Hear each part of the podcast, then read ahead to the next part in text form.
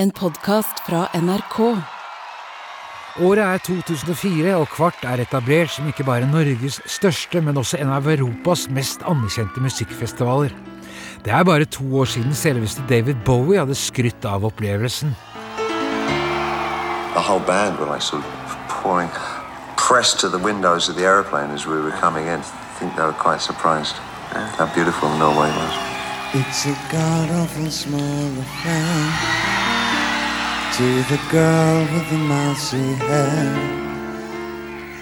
2004 er plakaten fylt med navn som Alicia Keys, Black Eyed Peas, Monster Magnet, The Hives, Slipknot og legendariske Pixies.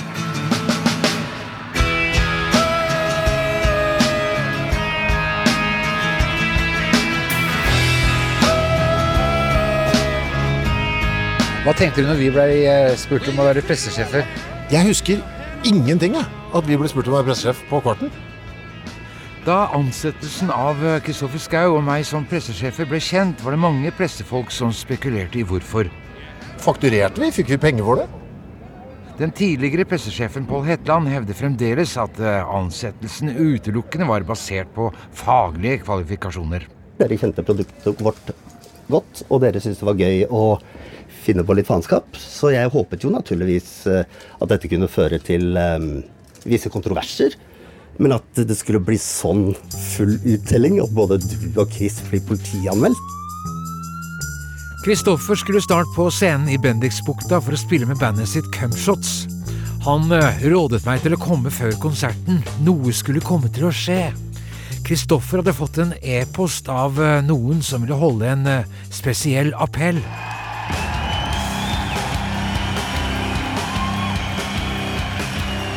Cumshots var kjent for tung rock og drøye sceneshow der medlemmene angrep hverandre, gjerne bakfra med slag og spark, og noen ganger endte det med at de falt av scenen.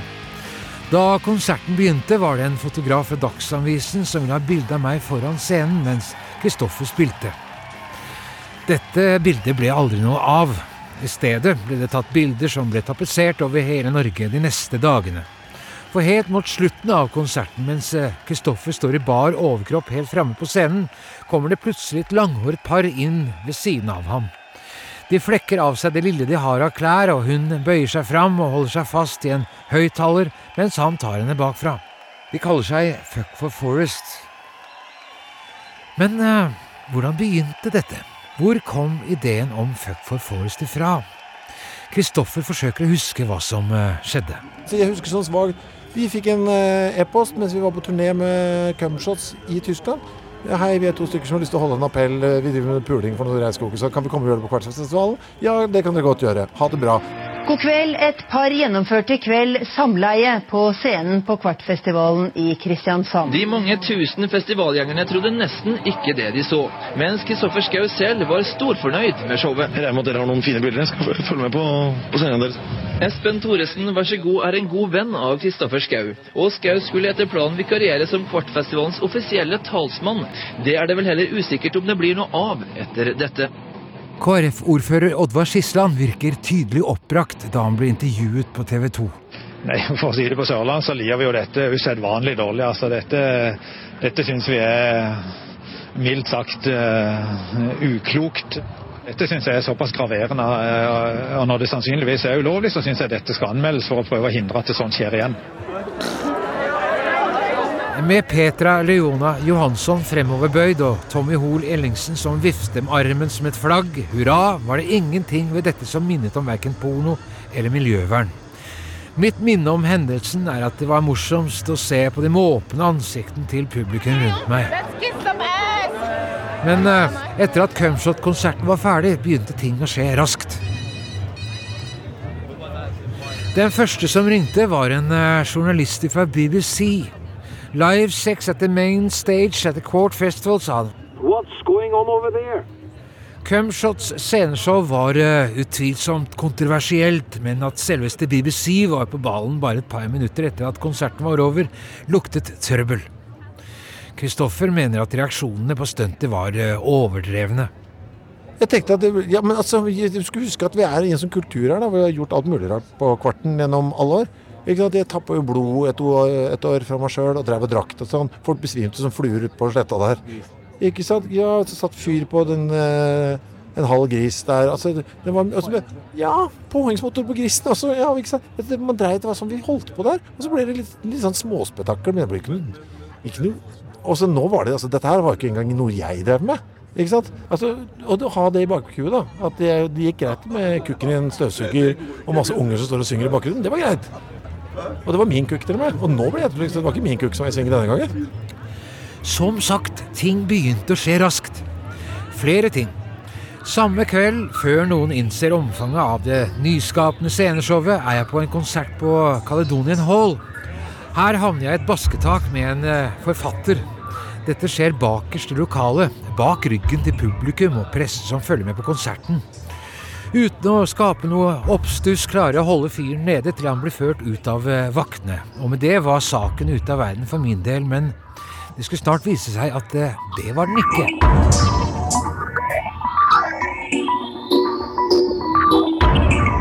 Kristoffer sleit også med å ta inn over seg hvilke krefter som eh, var satt i gang. Jeg skjønte ingenting. Våkna opp om morgenen, kunne ikke skjønne noen ting. 200 ubesvarte anrop. Går ned i resepsjonen og så blir kikka rart på av han som står bak resepsjonen. Og så er det bilde av meg på forsida av avisa, og så får jeg beskjed om at purken kjører rundt i sirkler inni. Jeg sa, Hva er det som har skjedd nå? Jeg tenkte dette var rart. En som ikke syntes dette var like rart, var Arvid Skanke Knutsen, musikkjournalisten som hadde fulgt Kvart fra begynnelsen.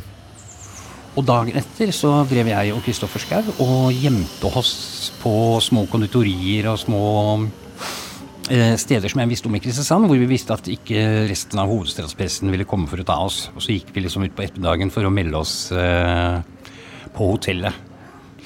Eh, men, men, det var altså en baluba uten sidestykke, og det ble jo skrevet om det i alle verdens aviser. Og i dag, den dag i dag så kan du jo selvfølgelig se opptak av denne konserten på diverse underholdningssider på nettet. Som pressesjef skulle jeg stå tilgjengelig for journalister fra hele verden og svare på hva assisterende pressesjef hadde foretatt seg.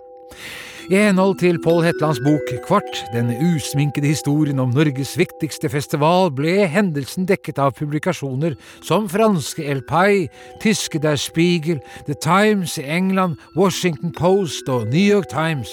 I tillegg var det førstesideoppslag i den største avisen på Vest-Samoa, en øy i nærheten av Australia.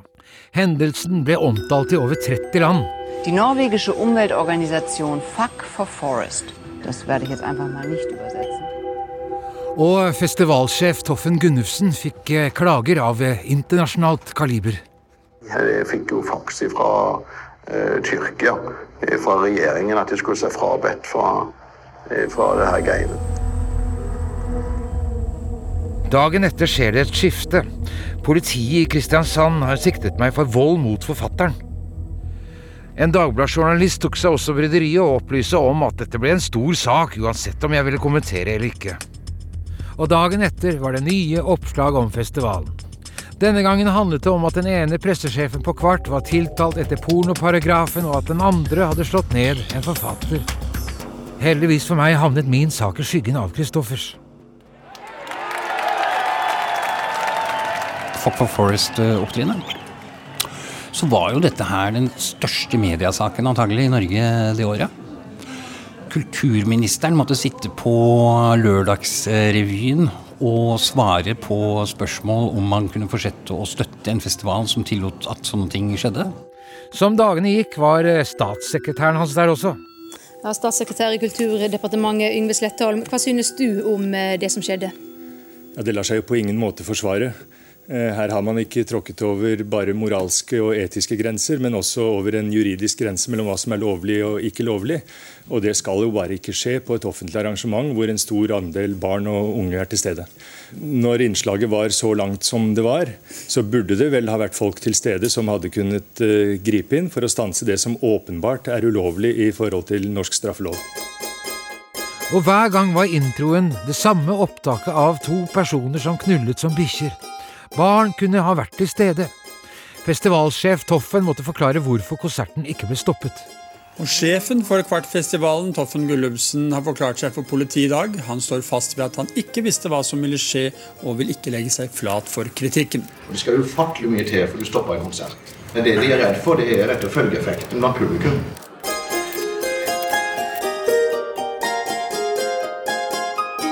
Selv da pressesjefene var anklaget for vold og porno, sto festivalsjef Toffen Gunnufsen i stormen. Men så var det jo det at det var filma, ikke sant? Close-up, det her. Nå ble jo vist for alle og enhver i fucking tre måneder. Jeg mener, eh, Normalt så hadde det vært over i løpet av ti minutter og glemt hele jævla skiten. da. Ja. Men det ble jo bare pakka ned i huet på det. TV-kanalene ble tilsynelatende aldri lei av å vise doggystylen til Tommy og Leona. Samtidig med at de tok avstand fra opptredenen pga. at barn kunne ha vært til stede. Og så viste de klippet igjen, prime time, lenge før barns leggetid. Politiet i Kristiansand har gitt til sammen 70 000 kroner i bøter til de involverte. Et ungt par gjennomførte et samleie framfor 4000 mennesker. Det gikk sjokkbølger gjennom Kvartfestivalen i går kveld. Et ungt par gjennomførte samleie på scenen under konserten til Cumshots. Det samme paret på vei ut av politistasjonen i Kristiansand i formiddag etter avhør.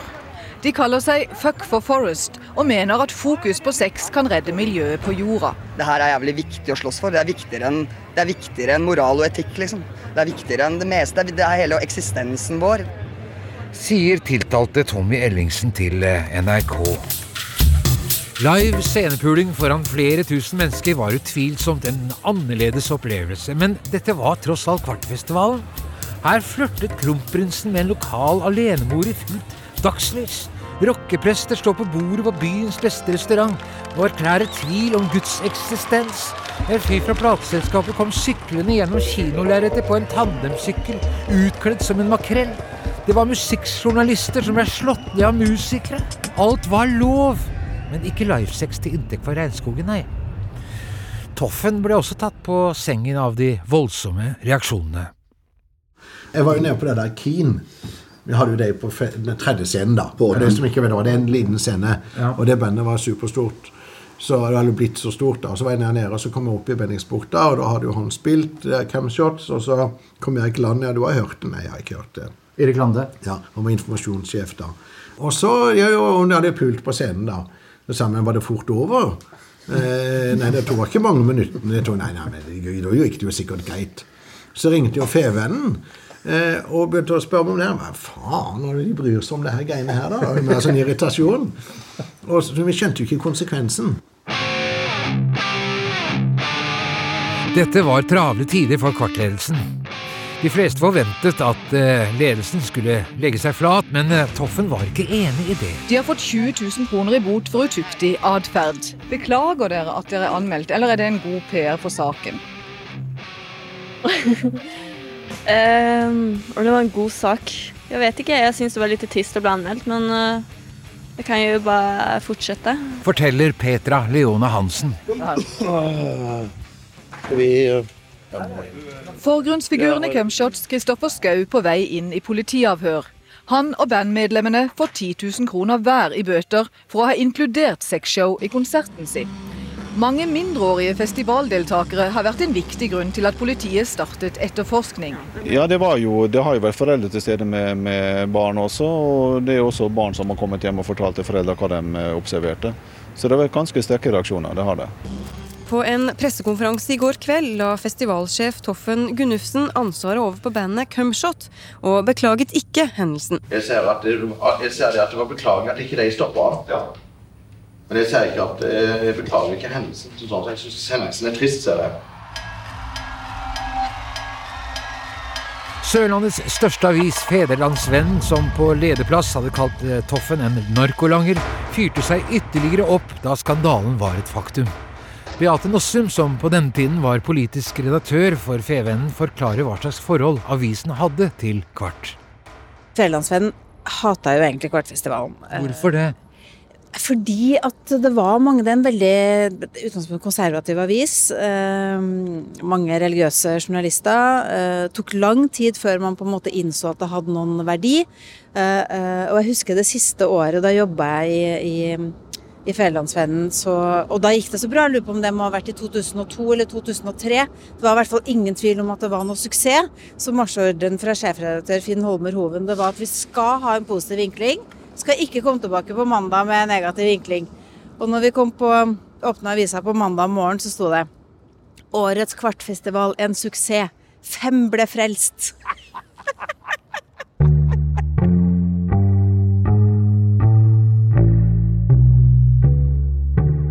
Som resten av Kristiansand hadde også Feven et ambivalent forhold til at synden hadde kommet til byen.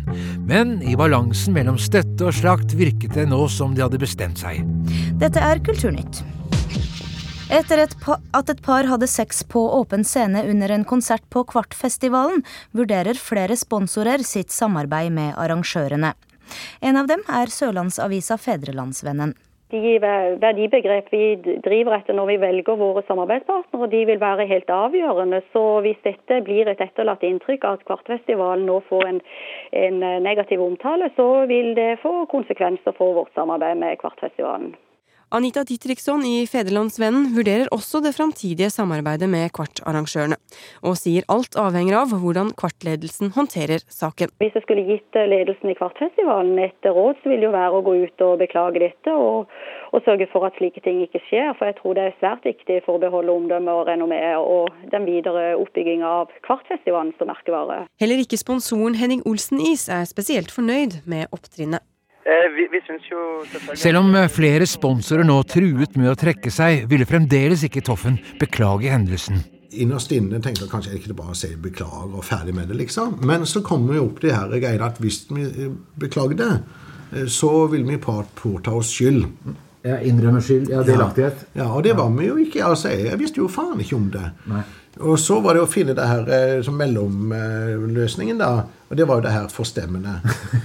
eh, som eh, var helt teit ord å si. Hvem faen sørlendinger ser forstemmende? og så var det her, ja, Vi trodde det skulle bare komme to-tre stykker på denne pressekonferansen, men det var jo, halve lia var jo der. En liten kuriøs detalj. Kanskje var det skjebnens ironi? Fra en crap-vokalisten Rune Tengs, som sto bak den første kvartskandalen da han skjøt med hagle fra scenen, var den som sto nærmest på den siste.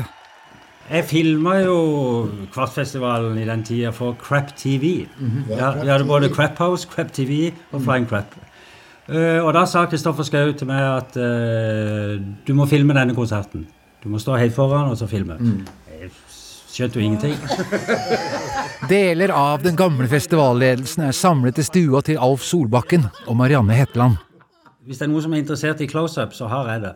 For jeg sto uh, to meter ifra dem og filma skrått oppover. Okay. så jeg har, jeg har nærbildene. Den største skandalen av dem alle skulle også bli den siste. Mange er opprørt og sjokkert, og en av dem er NRK-sjef Jon Bernander. På den tiden er Kristoffer Schou en profilert programleder i P3-programmet Karate, som også hadde en egen scene under Kvartfestivalen. Nå er utgangspunktet at hans opptreden på Kvarten i går ikke har noe med NRK å gjøre. Realiteten i går er at NRK verken har noe redaksjonelt ansvar eller noe arbeidsgiveransvar for Kristoffer Schou. Så i den sammenhengen har det ingen konsekvens. Han har jo gjennom det han har gjort nå, også fått eh, et nytt skinn over seg. Vil ikke det også kunne påvirke NRK fremtidig? Jeg går ut for at vi skal sørge for å ta god, god kontroll over det som skal skje redaksjonelt hos oss. Kristoffer Skaus opptreden i går har ingenting med NRK å gjøre. Og noe tilsvarende det som skjedde i går, vil ikke bli tillatt i NRK. Så du åpner for et videre samarbeid med Kristoffer Skau? Det tar ikke jeg stilling til her og nå. Jeg er på ferie. og skal nyte godt vær og Kvartfestival. Det syns jeg er moro. Det som skjedde i går, var ikke noe gøy for Kvartfestivalen eller for Kristiansand. Men det fantes mange som syntes opptrinnet var eh, morsomt. Bandet Black Debbath vil følge opp sexstuntet på sin måte og få dekning i Kulturbeitet på P2, hvor bassist Egil Hegerberg kommenterer. Rockebandet Black Debbath vil lørdag også slippe til et ungt par under sin kvartkonsert.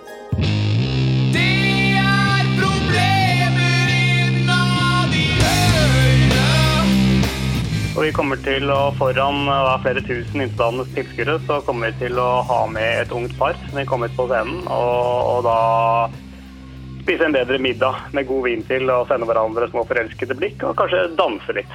Ja, altså Vi ser ikke noe ulovlig i dette her, i og for seg. Så vi regner med at dette kommer til å, å gå sin gang.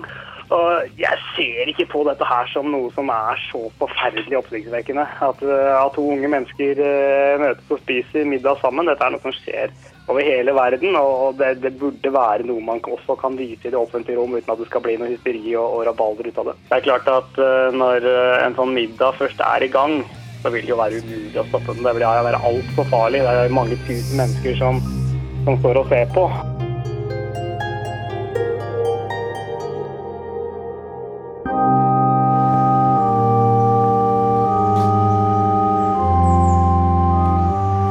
Moroa var over da rettssakene begynte.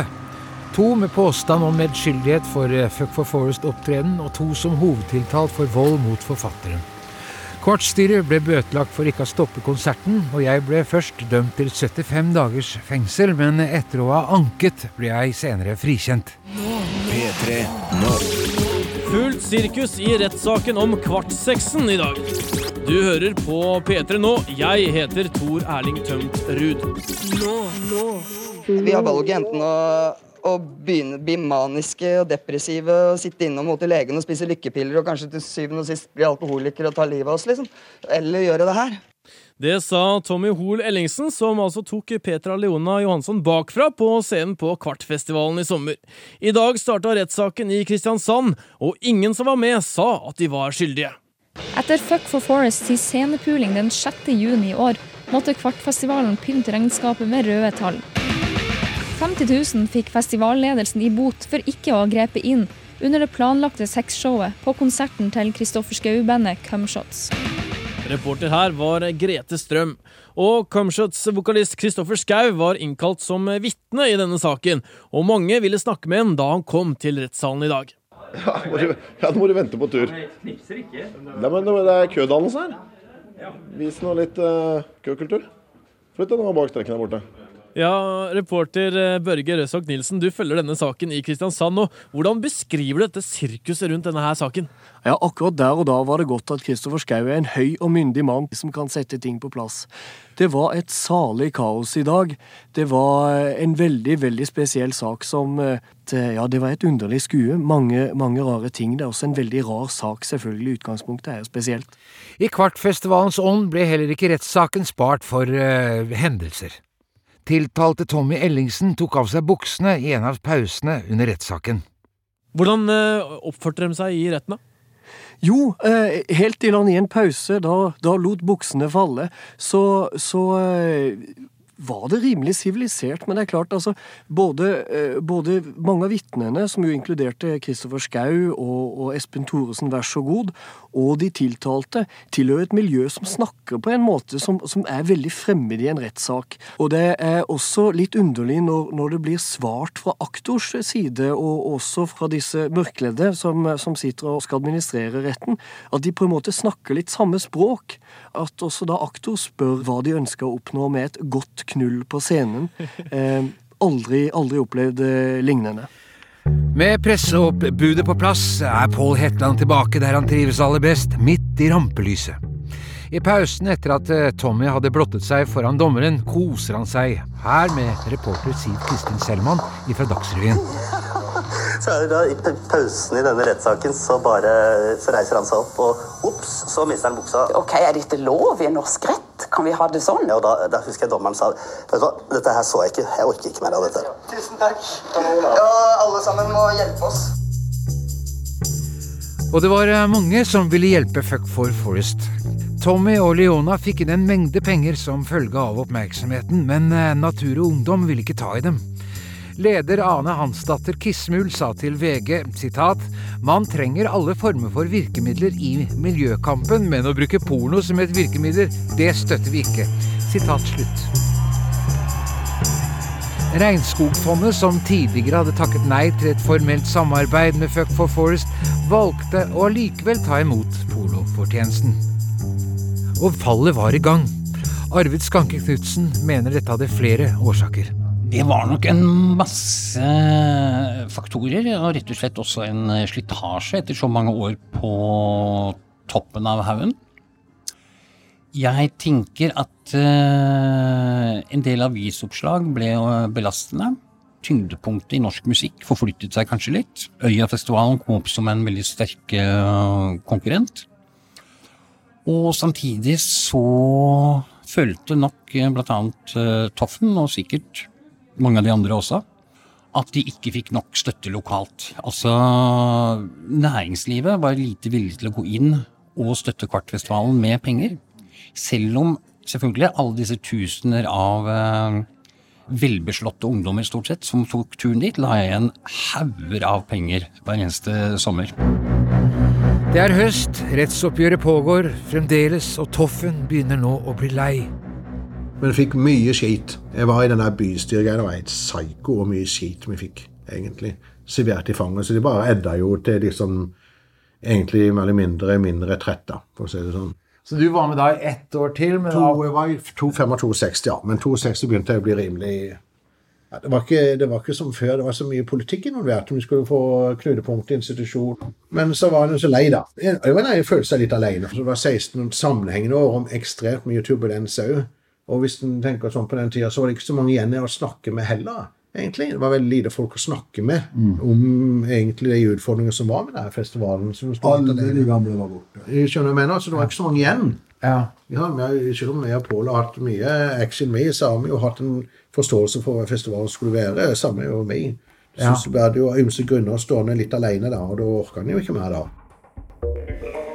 I november annonserer Toffen at han vil slutte som leder for Kvartfestivalen. Snart blir det kjent at han har fått jobb som bookingsjef for den nystartede HV-festivalen i Arendal. Med Toffens farvel var limet i den gamle kjernen borte. Alv Solbakken, som booket norske artister, forteller at det var flere som nå hadde fått nok. Men Hva var det som fikk dere til å slutte? Ja, hva var det? Kanskje Toffen kan svare på det. Sammensatt. Sammen, veldig sammensatt. Det var, det var, nok litt med pulinga. Og eh, Men hva hadde pulingen med det å gjøre? Altså, det, det var... Reaksjonen seinere, kan du si. Altså, siste avvikling var 2004. Og, da er du ute? Ja. Vi var ute våren 2005. Hvem er vi? Uh, med Espen Hille, Pål Hetland, Elisabeth Gran. Rik Nordskog. Rik Nordskog. Så det var ikke så mange igjen kjerne, Ja, det var ikke så mange igjen av den gamle garden. Arvid Skanke Knutsen mener at Kristiansand har seg selv å takke for at det gikk som det gikk. Også kanskje med det politiske livet at uh, uh, der kunne man ha gjort mer for å redde festivalen, og kanskje unngått at Toffen til slutt tok sin hatt og gikk.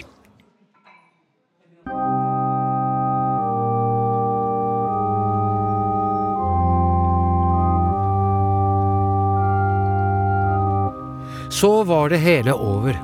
Etter 2052 solgte billetter før den planlagte festivalen i 2008 blir Kvartfestivalen slått konkurs. Kvart dør 16 år gammel uten noen av sine nærmeste rundt seg.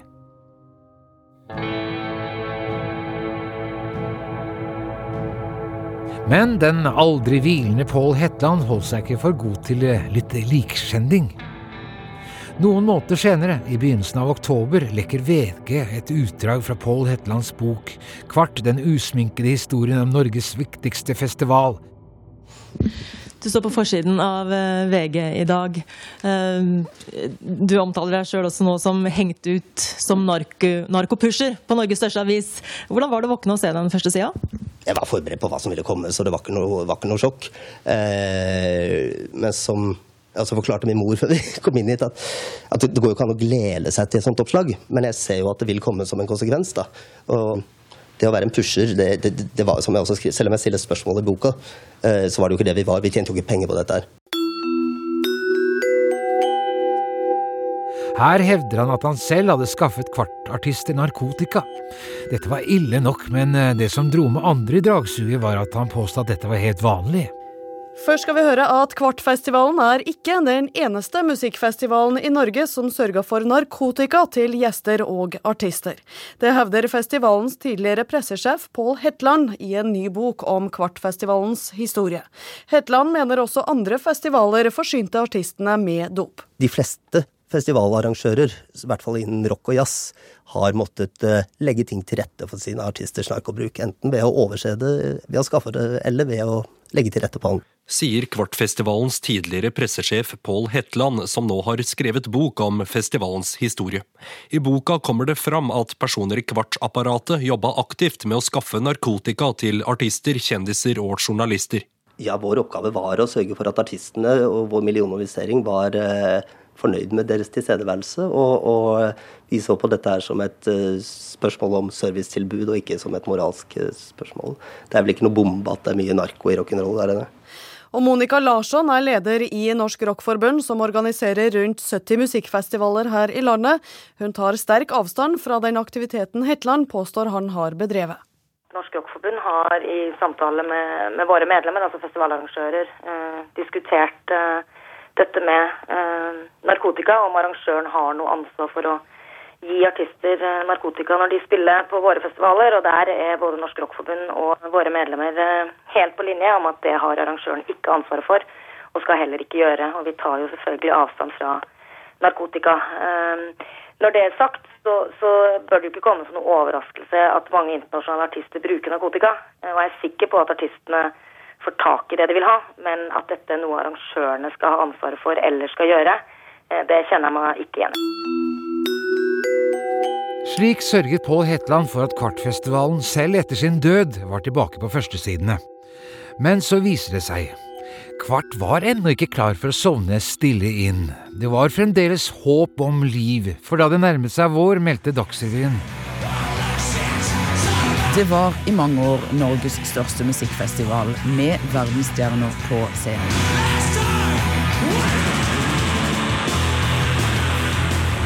Kombinasjonen musikk, sommer og sol gjorde at festivalen ble enormt populær. Nå er det mange som gjerne vil gjenoppleve gamle minner. Etter konkursen sommeren før kjøpte Arild Buli kvartnavnet og boet på auksjon. Bule hadde vært med som styremedlem og investor sammen med Trygve Eftestøl fram til 2003.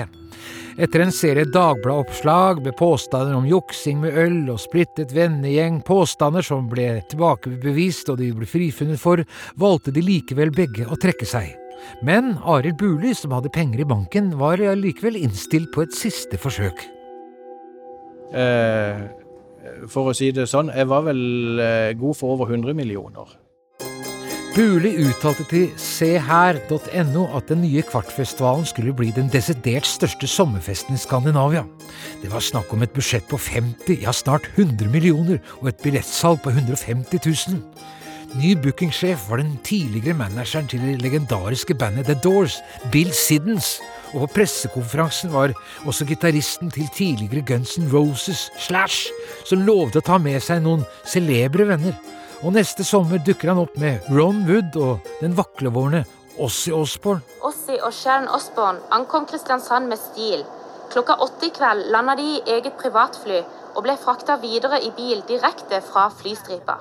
Kvartplakatene var kjente for sine kunstneriske variasjoner rundt en makrell, men i 2009 var plakaten prydet av en ung jente i bikini. Headlinerne derimot, de største navnene, var stort sett gamle menn. I tillegg manglet bookingen en profil, nettopp det som Kvart var kjent for. Den nye Kvart virket for mange vulgær, og også denne gangen gikk billettsalget tregt. Så gjorde jeg noen dårlige investeringer i Tyrkia, og så av de 100 millionene så var det en del lettjente aksjepenger. Og så satt jeg igjen med verdier kanskje for 30-40, eh, og det forsvant. Festivalen 2009 gikk 38 millioner kroner i underskudd. Også denne festivalen endte i konkurs, og nok en gang endte det også med en runde i rettssalen. Arild Buli har ingen problemer med å fortelle hvor mye penger han tapte. Men jeg ble iallfall slått personlig konkurs én gang til etter ti år.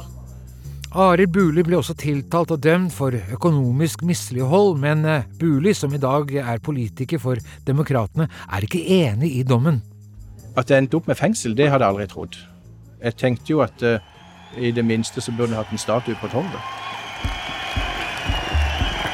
Norgeshistoriens mest kontroversielle kulturarrangement hadde kommet til sin ende.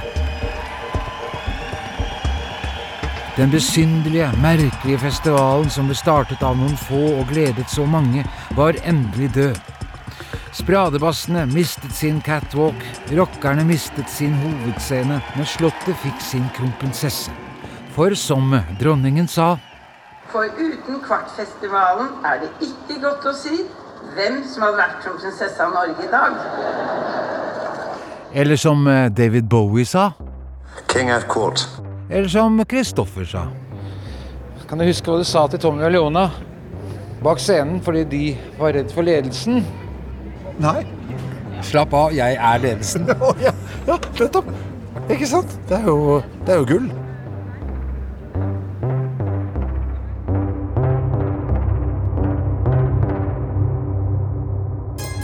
Du har hørt siste del av Kvart skandalefestivalen, laget av meg, Espen Thoresen, lyddesign Merete Antonsen, arkiv, research Beate Riser, produsenter er Hege Omre og Kjetil Saugestad, og redaksjonssjef Ragnhild Veire.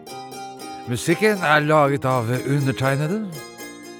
Og en takk til eh, VGTV, TV 2-nyhetene og boka Kvart frihetens øyeblikk av Arvid Skanke Knutsen. Du har hørt en podkast fra NRK. De nyeste episodene hører du først i appen NRK Radio.